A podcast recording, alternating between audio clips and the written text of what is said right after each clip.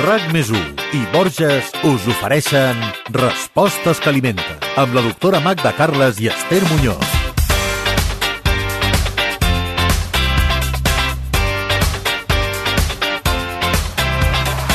El nostre país és un dels més longeus del món, juntament amb el Japó, Suïssa o Islàndia. Tot i ser països amb cultures i maneres de fer molt diferents, són els que ofereixen més esperança de vida ara mateix. Quina influència té la dieta en viure més anys? Es pot dir que hi ha una dieta per arribar als 100 anys, cal ser vegà o estar molt prim?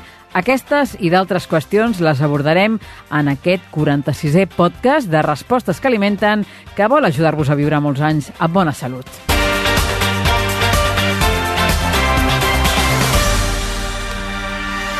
Magda Carles, com estàs? Molt bé, i tu, Esther? Avui tenim un podcast que està bastant marcat per l'actualitat de fa unes setmanes.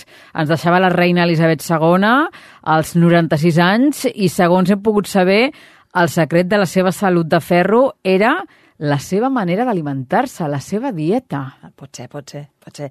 A veure, s'ha de dir que aquesta dona a mi m'admira molt per, amb això de la seva edat i de la seva activitat en aquesta edat, perquè no és el mateix ser gran que estar actiu a aquesta edat. Uh, realment la dieta té un paper important, però clar, són molts factors els que intervenen. Eh? Probablement la reina Elisabet té una bona genètica, ha tingut un estil de vida que també l'ha favorit i segur que hi ha més factors, però vaja, podríem dir que la genètica, uh, a l'estil de vida i a l'entorn que tens condicionarà la teva longevitat, eh? seguríssim. Tu I quan creus? dic entorn vull dir uh, amb qui estàs estàs, amb quin aire respires, en quin ambient estàs, tens estrès, no tens estrès, etc etc etc. Ara repassarem eh, en què consistia aquesta dieta que feia la reina Sí. Elisabet II, però mm, tu creus que part d'aquests factors que ens comentaves, eh, eh, l'alimentació també podria marcar d'alguna manera eh, Sí. la longevitat? Sí, sí, sí, té un paper, té un paper importantíssim. Escolta, començant, però quan la gent menjava molt poc, vivia menys, això és evident. Jo sempre ho dic, a principis del segle XX la gent o sigui, estava viva fins als 40 anys a l'edat mitja. És molt diferent, eh? Eh, Quan tu no menges, no creixes bé, no respons bé a les malalties, etc etc etc. Vull dir, començant per aquí, una mala alimentació vol dir un mal sistema immunològic, vol dir menys longevitat. Ara, d'aquí a dir que pot haver-hi una manera perfecta per viure molt, hi ha una distància, però és evident, és evident que la dieta hi té un paper fonamental. Va, anem a repassar-la, perquè és molt curiosa tota aquesta informació que, a la qual hem tingut accés aquests dies. Eh, per exemple, no? eh, diu que, sobretot, el més important és que ella tenia una dieta variada i saludable, no? Mm. La varietat és important en aquest sentit? Sempre. Quan parlem d'en plan ABC, en plan molt bàsic de lo que és una dieta equilibrada, dintre de totes les versions que poden haver-hi de dieta equilibrada, sempre estem parlant de varietat. Per què? Per aquella cosa tan senzilla que també diem, però que és molt certa, de que no hi ha cap aliment que ho porti tot, i que, per tant, tots els aliments tenen les seves parts positives, i quan més varies, més possibilitats hi ha que, que aprofitis aquests nutrients, no? És a dir, no només menjar verdura, fruita, carn, peix, bla, bla, bla, sinó que dintre la verdura variar el tipus de verdura, no? Dintre el peix variar el tipus de peix. No sempre dintre la fruita, mateixos. ah, exacte, variar, variar. També eh, diu que mm, no abusava del menjar copiós i que evitava a tota costa els carbohidrats. Clar, això tindríem que una mica que... El que no feia menjars copiosos, segur, perquè si hi ha una cosa que no va bé a totes les edats és menjar massa. És més, hi ha estudis que diuen en, amb animals de laboratori que posant una dieta, ja han sortit fa molts anys aquests estudis i, i s'han corroborat després, eh? amb una miqueta menys del que necessitem, eh, es tendeix a viure més. És a dir, que mm, grans quantitats, mai. No? Ni molta energia, mai. Més aviat tirar una mica cap avall. Reduir una les dosis. Reduir les dosis, no? Ara, això que dius tu de cap tipus de carbohidrat, això ja em sembla una mica més estrany, perquè si, no sé què refereix exactament, perquè una fruita ja en té de carbohidrats. M'estranya molt que prescindís de la fruita. Tindríem que dir, aquí me faltaria pasta, una mica... potser, A mi que- em faltaria dir quin tipus de carbohidrat és el que ella no pren, no? Suposo que et refereix a això que dius tu, no? La pasta, els pans refinats, els cereals refinats... És possible, perquè a més té una edat avançada. A aquestes edats avançades, doncs, el sistema de la insulina, que és, el, diguéssim, el que fa entrar la glucosa dintre la cèl·lula, doncs va molt més lent. Ens va molt més malament el nostre metabolisme. Per tant, no m'estra- no m'estranyaria que ell ho tingués molt ben regulat, això. Anem ara al detall. Sí. Um, ens expliquen que la reina començava el dia amb energia i, atenció, no feia un esmorzar, no? Esmorzava dos cops. Mhm. El primer era, diguéssim, eh, més lleuger, amb un té, sense sucre, tampoc llet i unes galetes. I després feia un segon esmorzar, que aquest era ja mm, una mica més eh, variat, no? Sí, sí. Què en penses? Bueno, depèn del seu horari. Si és una senyora que s'aixecava molt d'hora, doncs és normal que tu a primeres hores no tinguis l'estómac encara molt preparat per menjar grans coses i ella feia, doncs s'hidratava més que res, no? I un estímul com és el te? I una mica de carbohidrats, que per ser això són carbohidrats, les galetes, no? I, i per donar-te una mica d'energia i que al cap d'unes hores, quan ja se li obrís més la gana, doncs fes un esmorzar més complet. Tinguem en compte que a la cultura anglosaxona eh, ells no fan un dinar com nosaltres, sinó que l'esmorzar és un àpat molt principal del dia no? O sigui que són una mica diferents, eh? Mm-hmm. Aquí hi ha molt de debat, Magda, eh? perquè sempre eh, hi ha nutricionistes que diuen que l'esmorzar és l'àpat més important del dia, però n'hi ha d'altres que això ho rebaten i que diuen que tu pots llevar-te i que si no et ve de gust menjar res i només vols fer un cafè, que no hi ha cap mena de problema. És que, Esther, saps què passa? A vegades les normes no van bé per tothom. El que és una mica absurd és dir tothom té que esmorzar, o tothom té que fer dos esmorzars, o ningú té que esmorzar. Cada persona ha de veure que li senta bé pel tipus de vida que fa, per l'hora que es lleva, per com té l'estómac a aquesta hora. El que és ridícul és forçar-se. És evident que si jo he eh, sopat a les 8 o les 9 del vespre, doncs si jo no menjo res fins les 2 de la tarda cauré, o sigui, em desmaiaré al final. Però si he fet un sopar com aquí a la Mediterrània, que dic jo, a les 9 10 del vespre, com, com molt aviat, és obvi que no tindré gaire ganes per esmorzar. Per tant, no és que hi hagin teories més certes que altres, és que hi ha casos i persones. I per tant, el que és intel·ligent és que la nostra forma de menjar ens afavoreixi al màxim el nostre benestar i la nostra salut. Mm -hmm. No té per què ser igual per tothom. Mm -hmm. Estava buscant la, la informació concreta d'aquest eh, segon esmorzar eh, que ens explicaven que feia la reina Elisabet, consistia en un iogurt, mm. cereals, que en parlàvem nosaltres la setmana passada, i també eh, malmelada amb tostades. Bueno, em sembla perfecte, vull dir que de qual pot menjar el que vulgui. Uh, cada un dintre la seva cultura, doncs, ells són de cereals, el, el que tu vulguis, però tot dependrà d'aquesta senyora com estigués de salut, com estaria la seva analítica, que no ho sabem, però en qualsevol cas el que sí sabem és que tenia 96 anys, i als 96 anys les quantitats han de ser ajustades i ha d'haver-hi una sèrie de requisits que segur que li cuidaven, perquè si no aquesta edat no hagués arribat. No? A mi em sembla molt correcte que prengui els seus cereals o iogurt i les seves torrades. Fins, fins aquí, res a dir. Està absolutament dintre la normalitat. No? Fins i tot, eh, això crida l'atenció, eh? Sí. A l'hora de dinar, sí. eh, el menú de la reina eh, sobretot tenia un gran protagonista, que era el peix. El peix mm -hmm. amb verdures. Mm -hmm. Em sembla bona combinació. Em sembla molt bé per què no? Hem dit moltes vegades que el peix té uns nutrients que ens interessen molt, com són els omega-3, que és una proteïna d'alta qualitat, que, que és, un, és, un animal, és, un, és un aliment que realment és més digestiu que la carn, té menys problemes i que, per tant, perfecte. Després caldria veure aquest peix com estava fet, etc etc. Però recordem que estem parlant de la dieta d'una sola persona, eh? amb totes les seves peculiaritats. Però verdures en peix per una persona gran, doncs fenomenal, clar. Uh -huh. I després eh, passem a, el drenar, que també era el, el quart àpat que, que feia ella en concret, no?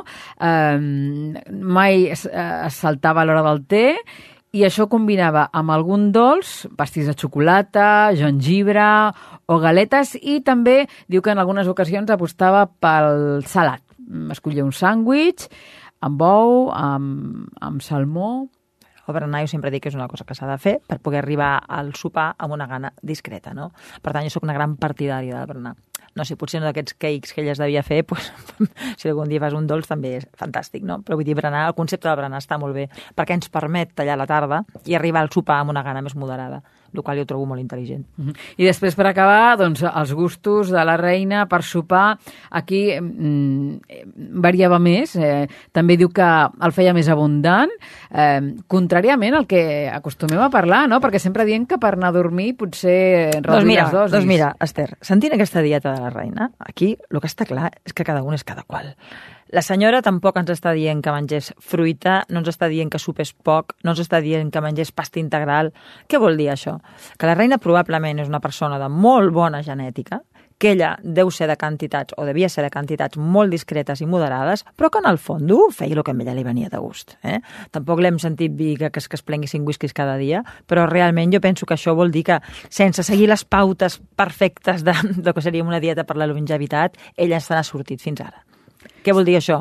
Que la dieta influeix, però que probablement també té una genètica i ha fet un exercici, ha tingut un estil de vida que l'ha favorit, perquè, com podem veure, sí, no està pas malament la seva dieta, però no és pas una cosa que segueixi uh, perfecta les pautes, sí o no? Uh -huh. Vull dir, no, no veiem pas que sigui tot com es diu ara, que per les dietes de longevitat doncs, són quasi veganes, eh, que tot ha de ser integral, el carbohidrat, es diuen també doncs, que cal sopar, sopar poquíssim. Ja veiem que ella fa una mica el que, el que li va bé amb ella, i en canvi li ha anat molt bé. Conclusió que s'ha de treure d'això, Esther, que sí que és veritat que hi ha unes pautes que podem parlar, si vols, en general, que els estudis ens diuen que afavoreixen una major longevitat, però que a l'hora de la veritat cada persona ha d'adoptar aquelles, aquelles mesures que a ella li vagin bé. I ara que parlaves de l'alcohol, no? Eh, també hem llegit titulars que deien que eh, eh, fins i tot abans d'anar a dormir es prenia una copeta. Sí, dormia així, així es dormia segur. es dormia segur, perquè sabem que l'alcohol en petites dosis et, et calma, eh? per tant és un relax. Bé, però jo, a mi em sembla bé, perquè estic convençuda que això a la reina se li col·locava bé, segur, tot això, tot això que ens ha dit. No? Vull dir, en principi, quan tu veus una senyora fer el té amb el pastís, si som molt puristes diríem, no, no, un dolç no, perquè, perquè la seva insulina, i ella es, ella es prenia el pastís. Què vol dir això? Que en el fons és agafar la dieta que tu et vagi bé, que també que et faci feliç i que tu funcionis bé. I que potser aquesta pauta de la, de, de la reina Elisabet amb una altra persona de 96 anys en absolut li funcionaria. Uh -huh. Hem parlat del cas particular, Sí. Uh, Has tenir que fer un petit homenatge, no? Clar que sí, però bé. ara anem una mica a, a, a situar-nos, no?, a la resta de, de, de mortals, no? Uh, si, si parlem, Magda, dels països més longeus del món, aquí quin, quins podríem incloure? Mira, doncs el Japó eh, és el que encapçala el rànquing. Eh, se sap que hi ha com més de 80.000 persones més grans de 100 anys. O sigui, que és, que és, un, que és una tassa important eh, de, de, gent, de gent centenària. I estaria a Espanya, estaria Islàndia, hi hauria Suïssa i, i hi ha més països. Però vull dir que mm, nosaltres, sortosament, estem dintre els països doncs, a més longevitat, s'ha de dir. Sí, sí. El Japó, per exemple, és, és un, un país on, on s'ho miren tot el tema de la dieta i de Molt. la nutrició i, i estan molt, molt a sobre. I és molt diferent de la nostra. Ergo, això vol dir que, en fi, que poden haver-hi moltes dietes adequades. Vull dir que probablement nosaltres no mengem com els japonesos, ni molt menys, i també tenim una longevitat. Això corrobora dues coses, que poden haver-hi moltes dietes que siguin bones i que la longevitat depèn de molts factors eh? estem, perquè realment les dietes, si anem a mirar la Suïssa amb la japonesa i amb la nostra, no tenen res a veure. No tenen res a veure, no, no, no. eh? Per tant, què vol dir? Que, lògicament, hi ha més factors i que a vegades jo sempre ho penso que les dietes van bé per la persona local, de, de, amb els productes del seu país, no? A lo millor la dieta japonesa a nosaltres no ens iria tan bé com nosaltres la mediterrània. Això Clar, és una cosa que també s'ha de tenir en compte. No? A nosaltres segurament ens ajuda molt eh, fer Clar. aquesta dieta mediterrània on l'oli té un paper molt important. L'oli és importantíssim. Mira, parlant del Japó, al Japó no tenen oli d'oliva. I, en canvi, per nosaltres és una, és, és una clau fonamental de la solubilitat de la dieta mediterrània. Però ells també viuen molt. Què vol dir això? Que jo penso que el que és important és, amb els productes locals, fer la teva pròpia dieta. Això jo ho trobo importantíssim. I repeteixo, hi ha més d'una dieta saludable. I això ho demostra, en el fons, no? Uh -huh. uh, ens has dit que importantíssim eh, ingerir vegetals i, a més a sí. més, variar. Variar, mira, el dels vegetals hi està tothom d'acord. Amb totes les teories nutricionals, etc. si una dieta et pot fer viure molt, és una dieta que sigui molt abundant en vegetals. Amb això estem tots d'acord. Ha d'haver-hi verdures i fruites, n'hi ha d'haver-hi moltes, cada dia. I això és una cosa que no ens ho podem saltar. Cada dia, verdura i fruita. Per què? Perquè ens porten fibra, perquè ens aporten vitamines, perquè ens porten antioxidants, perquè porten substàncies que no són ni vitamines ni antioxidants, que s'ha vist que que haver la prevenció de moltíssimes malalties. Per tant, tots tenim que ser una mica vegetarians. Una mica molt, jo diria, eh? Una mica molt. I les proteïnes, eh, quin paper hi jugarien? Important, perquè és que no podem viure sense proteïnes. No es pot viure sense proteïnes. Són, són elements fonamentals per construir uns nostres teixits per mil reaccions. No?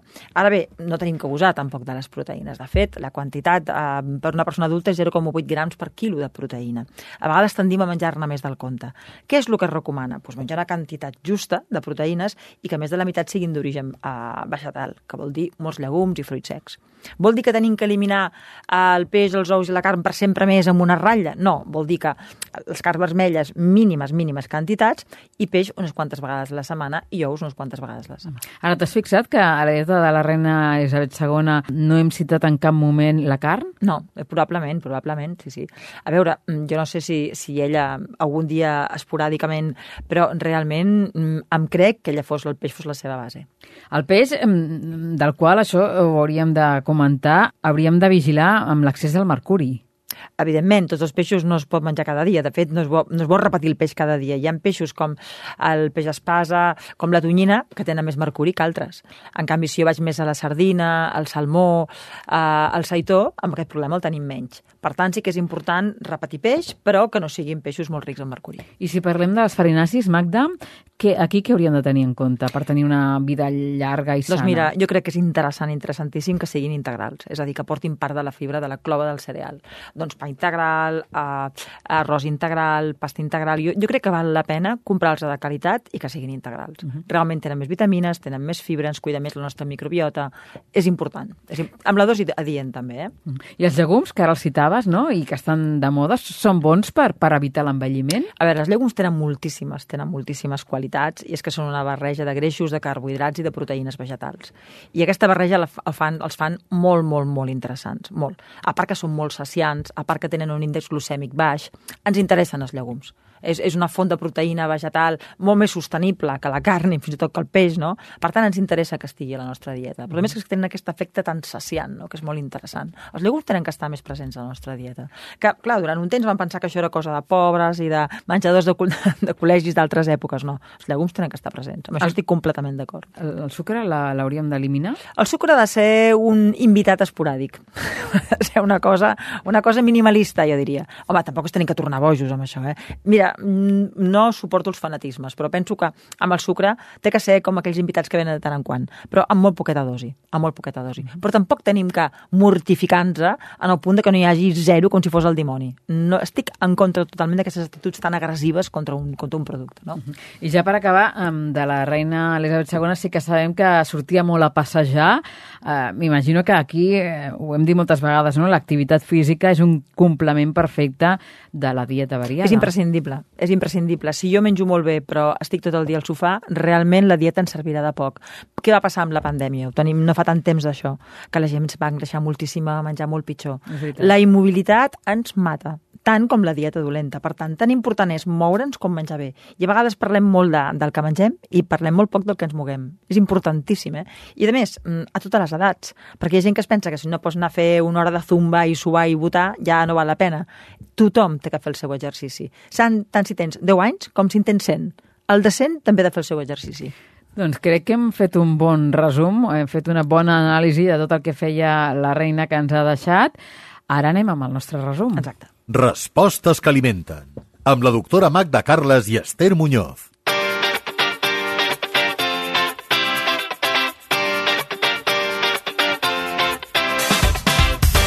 I aquí, per fer-ho el més pràctic possible, Magda, se m'acudeix que ens podries donar doncs, un menú, un model de menú per, per viure molts anys, per viure bé i per uh, allargar la vida al màxim possible. Mira, hem dit que té de, que ser d'energia controlada, amb carbohidrats, eh, diguéssim, integrals, molt vegetal, la carn, vaja, quasi ausent, una mica de peix, una mica d'ous, molt oli d'oliva, no?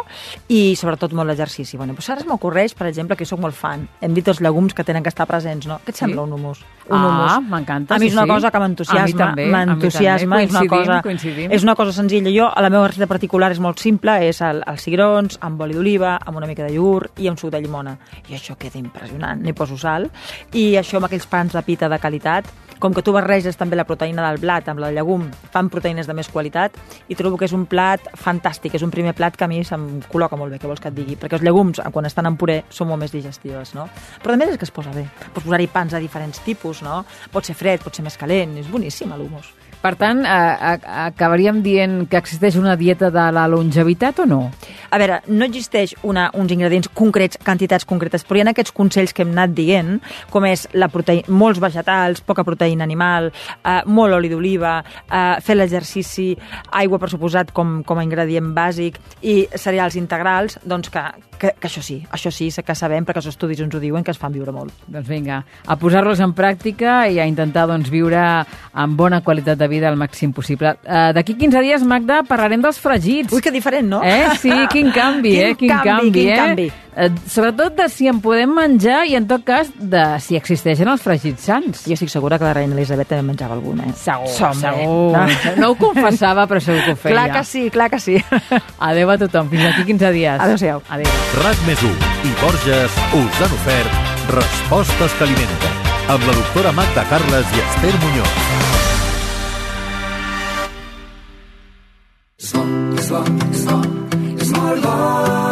Cuidar-se és el més important.